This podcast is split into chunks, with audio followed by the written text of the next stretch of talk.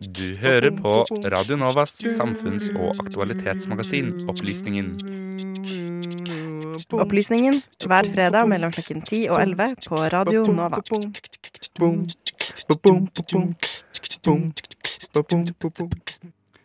Kasim Soleimanis navn har vært på alles tunger den siste tiden etter at USA drepte den iranske generalen.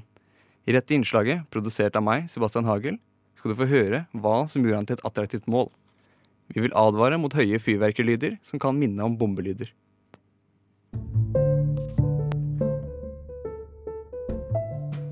Det er siste dagen i 2019. Vi er på vei inn i et nytt tiår. En ny start. For de aller fleste er dette en festdag. En dag for å feire at jorden har gjennomført nok en suksessfull fullstendig rotasjon rundt sola, blant annet. Denne dagen markerer også et skifte i den alltid flyktige posisjonen til Amerika i Midtøsten.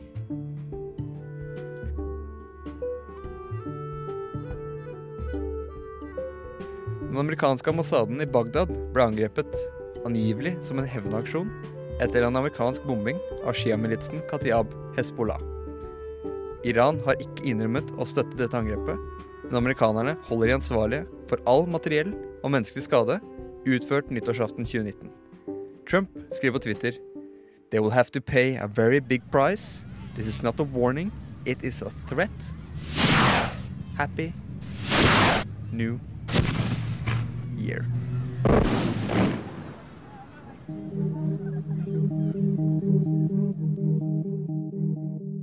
Allerede 3.1.2020 ble Qasim Soleimani drept. Den iranske generalen og lederen av Quds-gruppen ble likvidert i et amerikansk droneangrep i nærheten av den internasjonale flyplassen i Bagdad. Her får du en liten innføring i hvorfor akkurat denne enkeltpersonen ble verdens suverene makts mål. Qasim Soleimani har blitt døpt av en rekke kilder i etterkant av drapet som en av Irans mektigste og mest folkekjære menn. Noe som ikke er feil, men dette er ikke grunnen til at han var målet for dette angrepet. Soleimanis evner og makt lå nemlig utenfor Irans grenser, i den fragmenterte Midtøsten. Han jobbet med militsene og de ikke-statlige militære aktørene i Midtøsten. I land som Irak og Syria har de sentrale myndighetene blitt svekket til det punktet at de ikke lenger har militær kontroll over egne landområder, som gir god grobunn for usentraliserte maktstrukturer i form av organisasjoner som den kurdiske YPG-styrken eller Hezbollah i Libanon og Kataib Hezbollah i Irak. Det var denne typen organisasjoner Soleimanis makt lå hos. Han støttet og organiserte de uavhengige militsene med fokus på sjiamilitsene Iran har religiøs tilhørighet til, slik som Kataib Hezbollah. Eksempelet Irak er et finurlighet, gitt at landet praktisk talt har vært i uorden siden 2003. Militsene og de ikke-statlige aktørene har vokst seg så innflytelsesrike at de enten har en uoffisiell regjeringsmakt, eller at deres ledere sitter i den offisielle regjeringen i Bagdad.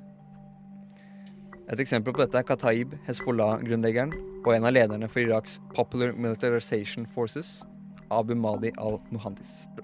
PMF er en organisasjon som er opprettet i 2014 for å bekjempe den islamske stat, hovedsakelig i Irak, men også i Syria senere.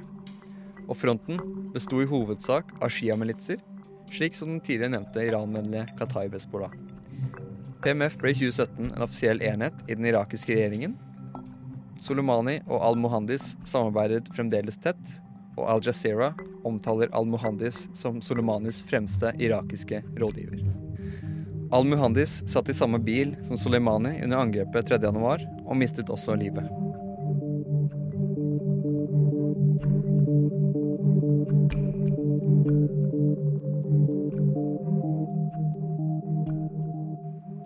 Soleimani arbeidet i stor grad utenfor makten i Damaskus, Bagdad og Teheran, og kultiverte relasjoner med militser i Midtøsten på vegne av Iran på en måte som Nato-vennlige aktører ikke maktet. Drapet på Soleimani eskalerte den allerede eksisterende konflikten mellom Amerika og Iran, som strekker seg tilbake til 2018, da den amerikanske regjeringen trakk landet sitt ut av den mye omtalte Iran-avtalen. Denne konflikten manifesterte seg en rekke ganger, slik som angrepet utført av Iran på Abqaiq-anlegget, opplysningen dekket for omtrent et halvt år siden. Drapet ble til dels retaliert ved et varslet bombeangrep torsdag 9. imot amerikanske baser i Irak, som en start på en kampanje for å presse amerikanerne ut av regionen, ifølge general i den iranske revolusjonsgarden Amir Ali Haizadeh. Hvorvidt det verste nå er over, eller om vi er stille for stormen før en ytterligere eskalasjon, kommer an på Washington og Teheran.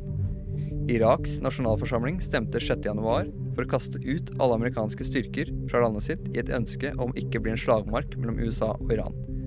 Amerikanerne har i skrivende stund 16.1 ikke forlatt Irak, så potensialet for væpnet konflikt er fremdeles bekymrende.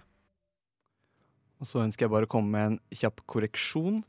PMF, som jeg omtaler i saken som um, Popular Militarization Front, skal være Popular Mobilization Front. Beklager dette.